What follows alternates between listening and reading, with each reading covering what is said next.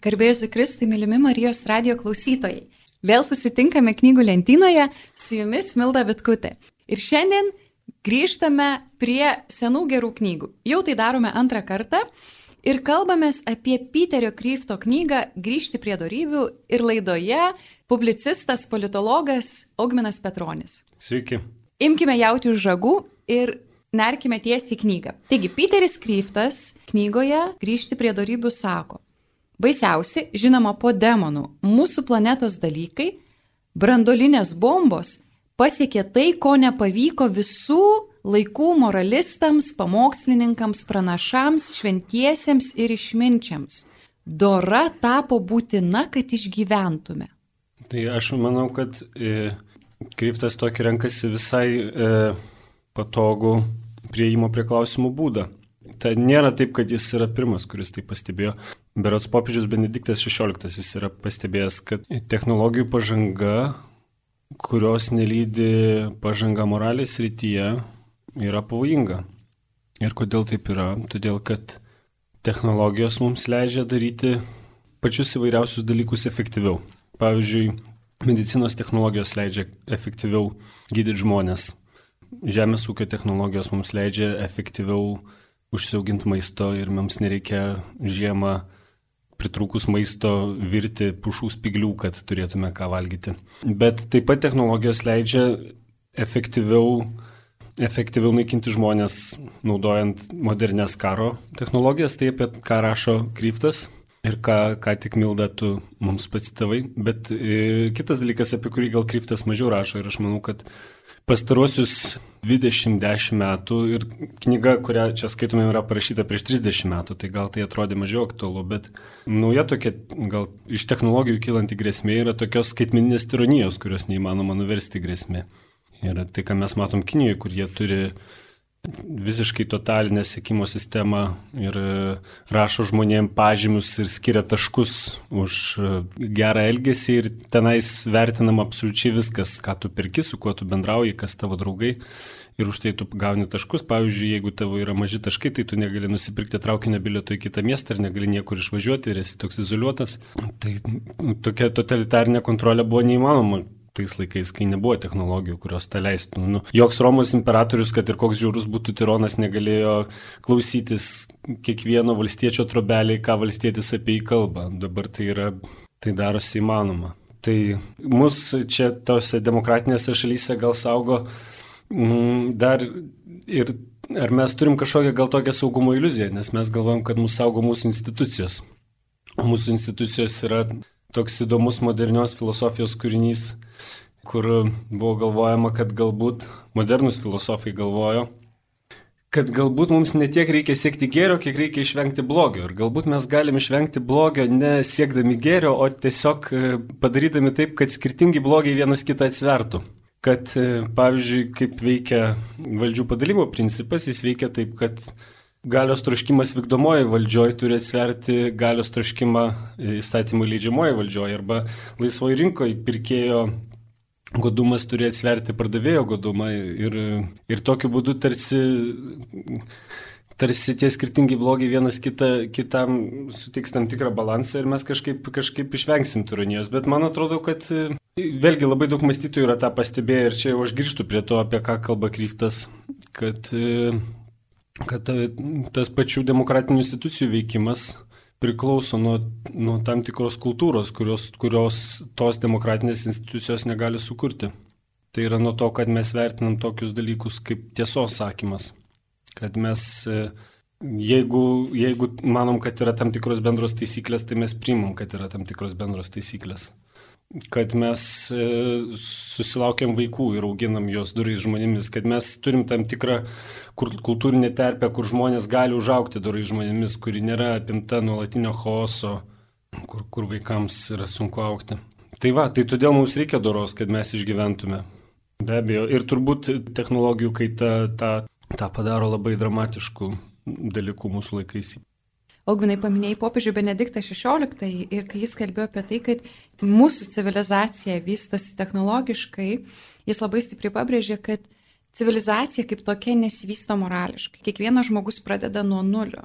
Mums susidaro iliuzija, čia tokia modernizmo prietaras, kad mes kaip visuomenė vis moralėjame, gerėjame, tobulėjame ir čia ir yra tas paradoksas, kad dėja, o gal nežinau ar dėja, tiesiog taip yra, kiekvienas žmogus moralės rytyje pradeda nuo nulio. Žinoma, su tam tikrom išlygom, kaip minėjau, augminai, jeigu tu gyveni šeimoje, kurioje praktikuojamos darybės, kurioje aišku, kokia yra žmogaus gyvenimo kryptis, koks jo tikslas, galbūt tu nepradedi nuo nulio, bet vis tiek kiekvienas žmogus turi nueiti savo kelią. Ir mums kartais gali atrodyti, va, mes panaikinom vergyją, dabar nebeegzistuoja vergyja. Bet ką labai gerai pastebėjo Kryftas šioje knygoje apie darybės, kad neišeina instituciškai panaikinti blogio. Jis, jeigu asmeniškai jis nėra išraunamas, šis blogis sugrįžta kitų būdų. Ir kai mes studijom istoriją, žinom, kad galima žmogų pavergti, nebūtinai oficialiai jį laikant savo nuosavybę. Mes tiesiog neišrovę nuodėmės kiekvienas iš savęs, surandame būdų, kaip pavergti kitą, kad jis tenkintų mūsų poreikius.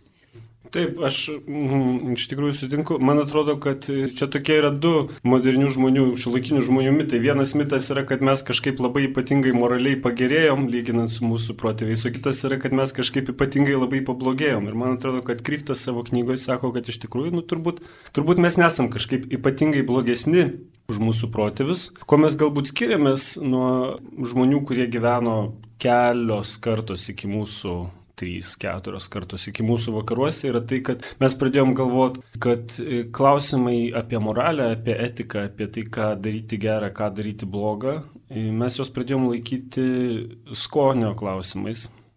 Arba pradėjom galvoti, kad visi, visi teiginiai apie tai, kas gera ir bloga, priklauso nuo pozicijos, kurioje stovi tas, kuris, tas, kuris kalba ir Ir kad nėra jokių tiesų apie tai, kas gera ir bloga, ar kažkokių gairių apie tai, kas gera ir bloga, su kuriuom galėtų sutikti visi mąstantis žmonės. Tai mus iš tikrųjų skiria nuo tų ankstesnių kartų.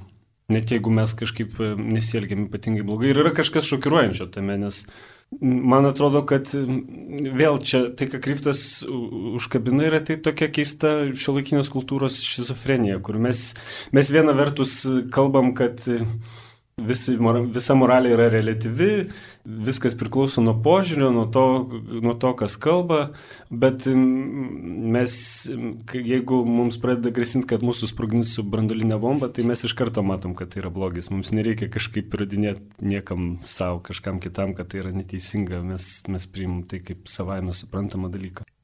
Mielas klausytojų ar klausytoja, jums gali atrodyti, tai apie ką mes išnekam, susirinkom aptarti knygą, o čia kažkaip porinam apie tai, kokia sudėtinga yra situacija, kurioje yra žmogus, ne tik šiandien, visais laikais. Tai tai ir yra turbūt priežastis, kodėl kalbamės apie šią knygą, kuri yra išleista Katalikų pasaulio leidinių 2011 metais, tad daugiau nei prieš dešimtmetį.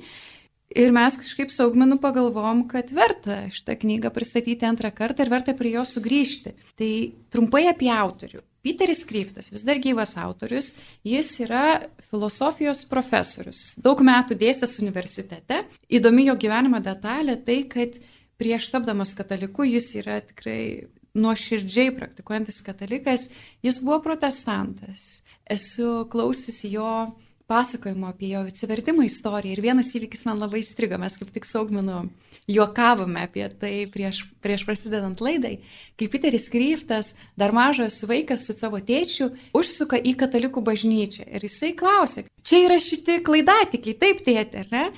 Ir jo tėvas sako, taip, tai tėti, o kodėl pas juos tiek daug grožio? Ir Peteris Kryftas sako, mano tėtis neturėjo atsakymo. Ir grožis buvo viena iš priežasčių, paskatinusi jį svarstyti katalikų bažnyčios poziciją. Gal dar galima papasakoti čia tokį kitą pokštą apie, apie Peterį Kryftą. Yra tai, kad jis iš tikrųjų yra nepaprastai produktyvus autorius ir turint galvoje, kad jis dar, dar ir dėsto universitete studentams, jisai sugebėjo parašyti virš 80 knygų per 42 ar ke, kelis metus. Kažkas yra jokavęs, kad jis yra parašęs daugiau knygų negu perskaitęs. Bet, bet turint galvoje, kad jis yra filosofijos profesorius, vis dėlto turbūt tai nėra tiesa.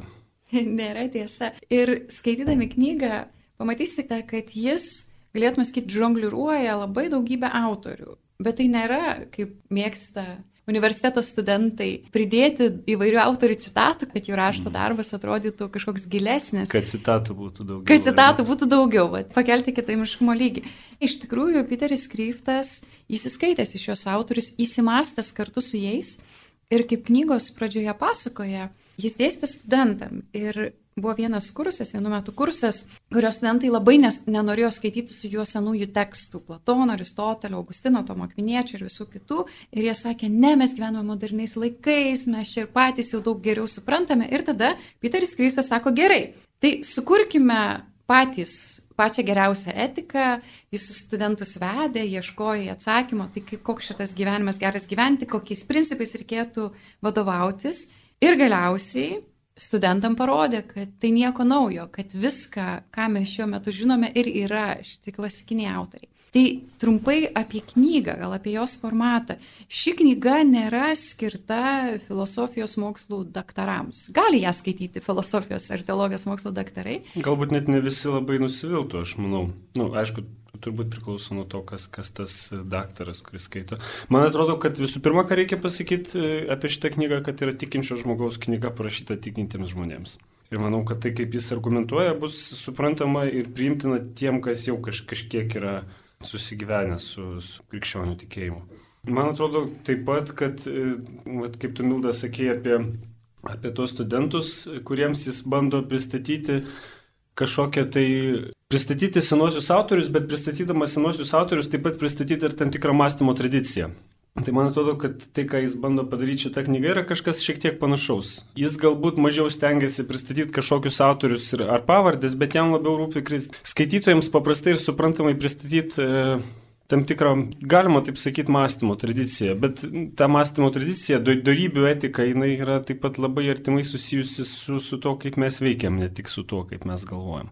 Ir dar vienas svarbus dalykas, ką pastebėsite, skaitydami knygą, kaip daugumai minėjo apie mąstymo tradiciją, kad Peteris Kryftas aptarė autorius, kurie jo manimu mums parodo, kad iš tikrųjų mūsų mąstymas gali atitikti tikrovę. Kad tai, kaip mes mąstome, nėra tik tai, kaip sakai, pradžioje mūsų skonio reikalas, kažkoks įsivaizdavimas, bet tam tikras mąstymo būdas gali būti adekvatus tikroviai, kurioje gyvename ir tam tikras gali būti nedekvatus. Ir tai yra labai svarbi mintis. Kalbėdamėsi apie darybės, Peteris Kryftas sako, jos padeda žmogui tapti žmogumi, iš tikrųjų išpildyti savo žmogiškąją prigimtį ir šis mąstymas tęsiasi nuo antikos laikų, nuo maždaug 5 amžiaus prie, prieš Kristų, bet tai nebuvo kažkoks sukurtas antikos autorių mokymas. Kaip sako Peteris Kryftas, tai buvo įžvalga į žmogaus prigimtį ir jo gilių įsitikinimu filosofija, kuri teikia gyvenimą, yra ta, kuri geba tai daryti geba išvelgti žmogaus prigimties struktūras ir kalbėdamas apie darybės, kaip apie struktūras, kurios padeda mums veikti kaip krypti, kaip žemėlapį, kaip žmogaus gyvenimo žemėlapį, jis sako, tai yra labai svarbus vakarų kultūros laimėjimas, gebėjimas išvelgti žmogaus prigimtį ir ją išvelgus duoti kryptį, kaip ją sekti. Man atrodo, kad kai lietuviškai sakai tokius žodžius kaip e, dorybė, vertybė, gerybė, tai e, gal net kažkaip ir taip skamba, ta, ta į ilga, tokia kažkokia pretenzinga į kažką tokio labai reikšmingo ir ta pačia atrodo, kad, e, kad tu kalbi, kai sakai dorybė, tai kalbi apie kažką tokio niuraus,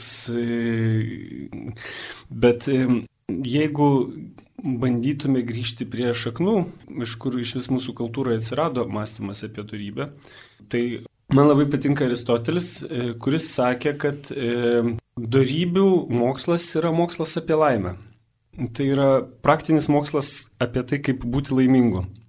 Ir Aristotelis svarstydamas pastebi, kad viską, ką žmonės daro, jie daro su tam tikru tikslu. Viską jie daro dėl kažko. Atsikeliam ryte tam, kad nueitume į, į darbą, ar nueitume į, į mokyklą ar į universitetą, valgom tam, kad turėtume jėgų padaryti tuos darbus, kuriuos turime atlikti, kažkiek turim fiziškai judėti, sportuoti tam, kad būtume sveiki ir tam, kad galėtume padaryti visus dalykus, kuriuos norim padaryti, turim kažkokias laisvalaikio veiklas, kurias darom tam, kad ir darom kam, kam viską, tai Aristotelis sako, galų galę darom tam, kad būtume laimingi. Bet kai Aristotelis sako tam, kad būtume laimingi, tai jis turi galvoj turbūt, turbūt truputį ką kitką negu mes e, dažnai turime omeny, kai sakom, kad būtume laimingi. Nes laimingas žmogus Aristotelio požiūrį nėra žmogus, kuris e, visą laiką jaučiasi gerai ir visą laiką išgyvena geras emocijas. Tai veikiau yra toks žmogus, kuris mes sakytume išsipildęs žmogus. Toks e, galbūt kažkiek artima tam, ką mes pavadintume žmogui, kuris yra save realizavęs. Ir e, darybės yra būdo savybės, kurias mes galim savį išugdyti ir kurios mums padeda to siekti. Ir Aristotelis išskiria keturias pagrindinės. Tai mes turim būti e, pakankamai protingi, turim turėti tam tikro protingumo, kad mes atskirtume, kas yra svarbu gyvenime ir kas yra reikalinga, nuo to, kas yra antrailiai dalykai. Mes e, tam, kad galėtumėm tų dalykų siekti, mes turim turėti tam tikro susivaldymo kad mes galėtume suvaldyti savo kažkokius tai akimirkos troškimus ar apetitus, kurie, kurie mus veda iš kelio kažkokią akimirką. Arba pa, nu, konkretus pavyzdys yra, pavyzdžiui, tam, kad mes galėtume sėkmingai daryti kažkokius ilgalaikius prasmingus projektus, dalykus, užsiemimus, mums reikia, kad būtume pakankamai sveiki. Kad būtume pakankamai sveiki, mums reikia pakankamai sveikai maitintis. Vadinasi, mums reikia įveikti savo apetitą saldumynams ir, ir prastam maistui arba sugebėti pasakyti savo, kad jau laikas gulti tam, kad išsimiegotume ir atsikeltume laiku, ir be to mes negalim iš tikrųjų kokybiškai funkcionuoti. Bet taip pat mums reikia ne tik tokio susivaldymo, mums reikia ir drąsos. Ir trečia darybė, kurią minė Aristotelis, yra drąsa. Tai yra gebėjimas elgtis pagal savo principus, net ir tose situacijose, kai tai kainuoja. Ir paskutinis dalykas yra teisingumas, kuris paskutinė darybė, kurią, kurią minė Aristotelis, yra teisingumas. Teisingumas tai yra gebėjimas suteikti kiekvienai iš jau mano minėtų darybių jos teisingą vietą, bet taip pat ir teisingumas santykiuose su kitais žmonėmis, gebėjimas, gebėjimas suprasti, kas kam priklauso ir duoti kiekvienam tai, kas jam priklauso, galima taip pasakyti. Svarbus dalykas, kalbant apie darybės, kad jos netrodytų kaip kažkokie laimės receptai, daryk tai ir viskas tau pasiseks, ką pabrėžė Peteris Kryftas savo knygoje, kad visos darybės turi krypti, kaip augminai minėjai, tikslą ir jos yra išvedamos kaip žmogaus buvimo būdas, geras žmogaus buvimo būdas, sėkmingas, nežinau, vertingas, nusisekęs ar koks kitoks, dėl to kad jos turi galutinį tikslą, supratimą, ką reiškia, kaip tu minėjai, augminai, būti laimingu. Ir Peteris labai stipriai pabrėžė, vos ne kiekviename knygos skyriuje, praktiniai pamokymai, kaip elgtis, jie turi kažkur vesti, tu turi žinoti, koks yra galutinis tavo tikslas. Ir labai įdomus dalykas, kad kas būdinga mums šiandieną, mes girdime, kaip inirtingai bandom atsikratyti galutinio tikslo, gal, kažkokio viską suvedančios vienos gyvenimo prasmės. Mums daug kalbama apie tai, kaip reikia įsikelti tikslus mokama, šios dienos tikslas, dešimties metų tikslas, dvidešimties ir taip toliau. Bet o koks yra mano viso gyvenimo tikslas, tai atrodo labai gazdinanti mintis. Tai negi, jeigu aš nusistatau vieną tikslą ir jis reikiuoja visus kitus mano tikslus, juos suvienyje į visą, tai vadinasi, kad jeigu aš nepataikau, tai visas mano gyvenimas tarsi naina per niek. Ir tai atrodo kalbėti apie amžinai gyvenimą kaip tikslą, dangaus karalystę kaip tikslą, atrodo labai pavojingas dalykas. Atrodo, kad tu pretenduoji pavergti žmogų kiekvieną mūsų gyvenimo akimirką, kiekvieną mūsų sprendimą. Ir galime turbūt suprasti šį pasipriešinimą netikinčio žmogaus, kai jis klauso apie amžinai gyvenimą kaip tikslą, dangaus karalystę kaip tikslą, nes tai jį verčia susimastyti verčia rinktis. Jeigu iš tikrųjų mano gyvenimas turi vieną tikslą ir aš galiu jį nepataikyti, ši mintis mane neramina. Kaip sakė, man atrodo, kad Kirkegoras, kad šventas žmogus yra tas, kurio gyvenimas yra apie vieną dalyką. Tik kai mes kalbame apie darybės, labai svarbu suvokti, kad jos visgi turi vieną tikslą. Iš to, ką tu sakai, tai atrodo, kad čia yra tokia, turbūt ne tik šio laikinio žmogaus, turbūt žmogaus apskritai drama, kad mes viena vertus bijom kažkokio tokio vieno didelio tikslo gyvenime. Mes bijom kažkaip atiduot, atiduot visas visokius savo smulkmenas jam. Bijom, kad tai mus kažkaip pavergs, bet tuo pačiu, kai mes neturim vieno tikslo ir turim tik kažkokius laikinus ir labai tokius sąlygiškus tikslus, mus gastina gyvenimo betiksliškumas. Lygiai taip pat ir mes bėgam prie tų kažkokių smulkių tikslų, smulkių tikslų ir turbūt dažniausiai prie kažkokių tokių gan trivialių dalykų, visokių, nežinau, paprastų malonumų, akimirkos pabėgimo nuo savęs tam, kad, tam, kad pabėgtume nuo to betiksliškumo. Jūs klausote laidos knygų lentynoje. Šiandien aš, Milda Vitkutė ir Augminas Petronis kalbamės apie katalikų pasaulio leidinių knygą Piterio Kryfto Grįžti prie darybių. Trumpai aptarkime knygos struktūrą. Knyga sudaryta, galėtume sakyti, iš dviejų dalių. Pirma dalis yra mūsų civilizacijos diagnozė. Kur mes dabar gyvename? Kokia yra šiuolaikinė situacija? Kokios problemos? Ir viena pagrindinė problema, turbūt pati didžiausia, sako, mes neturime krypties. Mes blaškomės pasimetę, žmogaus siela serga ir ji neturi krypties, bet mes inertingai neigiame kryptį. Kaip minėjai augminai laidos pradžioje, neigiama tiesa, ką tai reiškia, kad visos nuomonės yra vienodai vertingos arba nevertingos, nu ir nei viena negali pretenduoti į aukščiausią statusą, stovėti hierarchijos viršūnė. Antra knygos dalis yra darybių aptarimas ir darybės aptariamos per kalno pamokslo perspektyvą. Taip, nu, iš esmės galima sakyti, kad e, didesnė pusė knygos yra tiesiog kalno pamokslo komentaras. Ir e, kalno pamokslas yra sudarytas iš, e, tai yra svarbi kalno pamokslo dalis yra, dalis yra palaiminimai ir taip pat prakeikimai. Tad pereikime prie konkretaus skyriaus.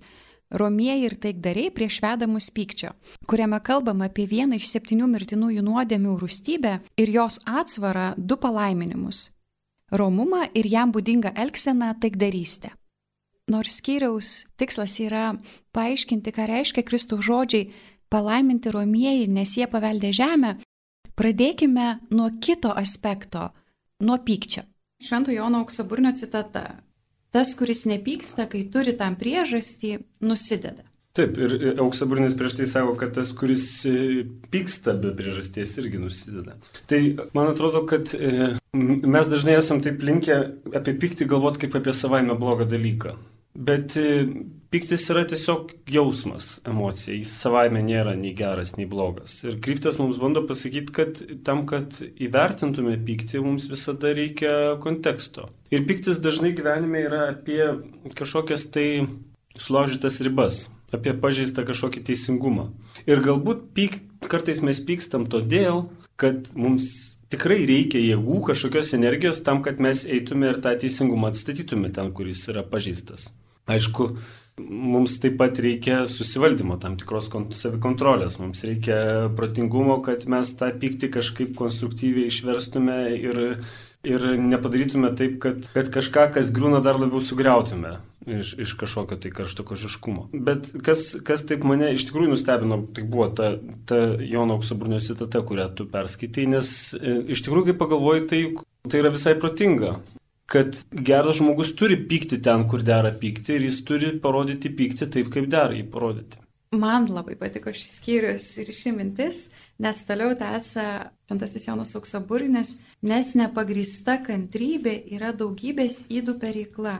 Ir Peteris Kryftas knygos pradžioje kalba, kad sako, mes pažįstame tokią pusiau krikščionybę, nepilną krikščionybę. Mes girdime, koks Jėzus ramus ir nuolankė širdis, bet sako, Jėzus taip pat ir pyko. Jis labai inirtingai kovojo su blogiu. Jis rodė neapykantą blogiem dalykam ir būti geru tai nereiškia būti kažkokiu nujausmintu, mielučiu, pukuotu žmogumi, kuris nu, niekada neparogo blogos emocijos ir niekada jokio žmogaus nepriverčia pasijausti nemaloniai. Taip, būti geru žmogum ir būti tik maloniu žmogum nė, nė, nėra vienas ir tas pats. Man labai pasirodė įdomios krypto mintis ir man truputį buvo gaila, nes man man norėjosi, kad jis taip daugiau paaiškintų tai ir daugiau papasakotų, kodėl jis taip, taip sako ir jis galbūt taip tiesiog pasakė tos teiginius ir juos paliko. Tai tu, Milda, esi gal daugiau teologė negu aš ir galėsi gal kažką daugiau pakomentuoti, bet e, toje dalyje skyriaus, kurioje jis kalba apie Dievo rūstybę, Kriftas pasako tokį teiginį, kad mes kartais galvom, kad galbūt dievo, Dievas yra tik tai geras ir atleidžiantis, Dievas yra tik tai toks malonus, mielas ir, ar kaip tu sakai, pukuotas, bet e, tai, ką mes skaitom tiek Senajam, tiek Naujajam testamente, mums rodo, kad Dievas kartais gali būti rūstus. Ir kad mums nereikėtų galvoti, kad Dievo rūstybė yra kažkoks tolimas žmogiškos rūstybės atšvaitas, veikiau atvirkščiai žmogiškas pyktis yra tik, tik blankus atvaizdas dieviškos rūstybės. Bet toliau taip pat kryptas kalbėdamas apie tai, ką reiškia Dievo rūstybė ir kaip suderinti tai, kad Dievas yra geras ir mylintis su tuo, kad, kad jis gali būti rūstus. Jisai kalba apie tai, kad galima tą įsivaizduoti lyginant su tokiu pavyzdžiu. Jeigu Saulėje yra gabalas sviesto ir yra augalas, kuris e, po truputį auga ir skleidžiasi, tai augalas gaudamas Saulės šviesą ten vyksta fotosintezė, jisai gaminasi maisto medžiagas, jisai auga, stiprėja ir, ir gyvėja. Toj pačioj saulės šviesoj gabalas sviesto tiesiog ištyšta. Ir kad ir Kryptas mums bando pasakyti, kad ta pati Dievo meilė gali atrodyti kaip rūstybė tam, kas, kas e, yra nusigręžęs, galbūt reikėtų sakyti nuo Dievo valios. Nežinau, kaip tą kitaip pasakyti. Taip, Peteris Kryptas pabrėžia, kad Dievo rūstybė nereiškia jo emocionalumą, lik Dievas yra kažkoks nesitvardantis tironas. Dievo rūstybė kyla iš jo teisingumo, kad reikia pripažinti blogį, kuris yra blogas ir kaip tu paminėjai, nedoram žmogui Dievo teisingumas gali atrodyti nepagrystas, labai skausmingas ir tai, tai labai svarbus pastebėjimas. Mes ir patys iš savo patirties jaučiame, kad kai mes kažką blogo padarom, mus kartais erzina labai geri žmonės, kurie yra šalia. Jie tiesiog mums yra kaip priekaištas. Tai ką svarbu suprasti, e, skirti, kurią, pavyzdžiui, pabrėžia Peteris Kryptas, tarp neapykantos ir pykčio, kad neapykanta visada trokšta blogio, o pyktis kartais nori gėrio. Ir pyktis gerąją prasme kuris yra reikalingas, yra pripažinti, kurie dalykai yra blogi, neapsimetinėti, kad viskas yra gerai. Dabar yra, dabar mes čia labai generalizuojame, dabar šiais laikais šiandieniai visuomeniai, bet mes jaučiam, kad yra blogo tono ženklas įvardinti problemas, kažkaip pabrėžti, čia yra blogai, čia yra iš esmės blogai, mes laikome, nu, kažkokie nesubtilus. Ir subtilumas reikalauja nekalbėti tiesiai šviesiai apie dalykus. Ir Peteris Kryftas pabrėžia šiame skyriuje, ne, labai labai svarbu įvardinti, kur yra blogis. Ir kitas dalykas, kodėl man labai svarbus šis skyrius, čia jau dabar tokie asmeniniai interesai eina šalia, kad aš susidariu, kad mes ir krikščionys galvojame, kad su blogiu nereikia kovoti. Ir mes labai dažnai kenčiame blogį, nesistengdami jo pašalinti. Vien atkentėjimas blogio kaip toksai nėra geris. Kentėti be geros priežasties nėra geras dalykas. Ir labai dažnai mes galėtume išrauti blogio šaknį, ieškoti sprendimo ir sumažinti žmonių kentėjimus, bet turim kažkokį iškreiptą įsivaizdavimą, kad štai vat, atkentėjimas, nukentėjimas yra pats savame geras dalykas. Tai gali būti geras dalykas, bet mes praradome perspektyvą, kad kartais blogio priežastį reikia net labai nirtingai šalinti.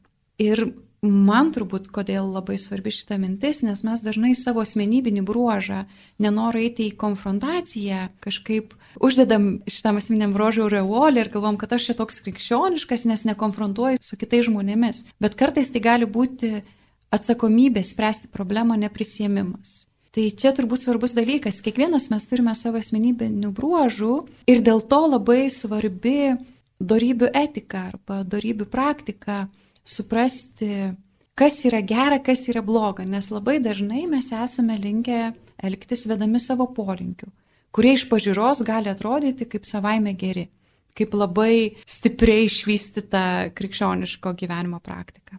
Bet tie polinkiai gali ir būti geri, bet visą laiką jiems reikia kažkokio ūkdymo ar, ar, ar nukreipimo, tu tą nori pasakyti, ar ne? Taip, ir turbūt reikėtų gal, kadangi jau laidai į pabaigą, atsakyti į patį svarbiausią klausimą. Tai kas yra darybė?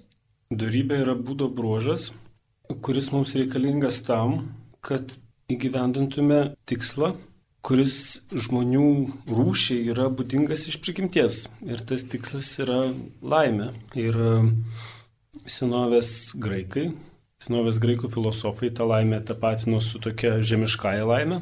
Krikščionis truputį sumaišė kortas ir pasakydami, kad ta laimė vis tiek negali niekada galų gale būti tik, tik šiapusinė ir ši, laimė šiame gyvenime niekada negali būti iki galo pilnatviška ir kad ta laimė yra anapus šio pasaulio, taip kaip mums apreiškė Jėzus Kristus. Turbūt svarbu pridėti, kad darybė yra įprotis daryti gerą. Tai nėra šiaip būdo bruožas, kad mes su juo gimstame, tai yra dalykas, kurį turime įgyti, kaip Peteris Kriftas knygoje naudoja daugybę palyginimų. Darybės vadina kaip žemėlapius, kurie rodo krypti, kur nueiti. arba kaip struktūras, kurios yra kaip tendencijos, kurios veda mus viena ar kita kryptimi.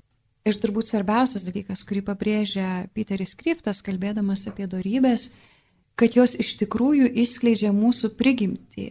Jeigu mes esame pasimetę, nelaimingi, mes nerasime kito būdo pagydyti savo sielą, nei tapti dorybingai žmonėmis.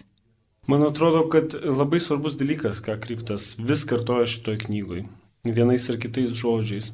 Ir e, kuris yra toks priešingas tokiam kažkokiam paplitusiam mitui, aš net nežinau, ar tai vadinti mitu, gal labiau tokiam kultūriniam įsivaizdavimui, yra tai, kad Kryptas vis akcentuoja ryšį tarp, tarp darybės ir laimės, tarp darybių ir laimės. Nes man atrodo, kad labai dažnai pas mūsų kultūrą yra galvojama, kad yra atvirkščiai. Kad žmonės, kurie yra, taip senamadiškai, sakykime, nedori, yra bent jau laimingi. Jie bent jau gyvena gyvenimą, kuris yra pilnas, pilnas aistros kažkam. Bet ką Kryptas bando mums pasakyti, yra tai, kad Žmogus, kuris e, turi išsiugdęs savyje tas darybės, apie kurias kalba Kryptas, tiek tas e, taip pavadinkim, klasikinės, tiek, tiek teologinės darybės, jis atrodo toks turėtų būti, jis neturėtų būti šaltas, jis turėtų būti aistringas, jis turėtų būti toks truputį kaip viesulas, kuris su, su didelė jėga ir su didelė energija siekia to, kas, to, kas yra gera.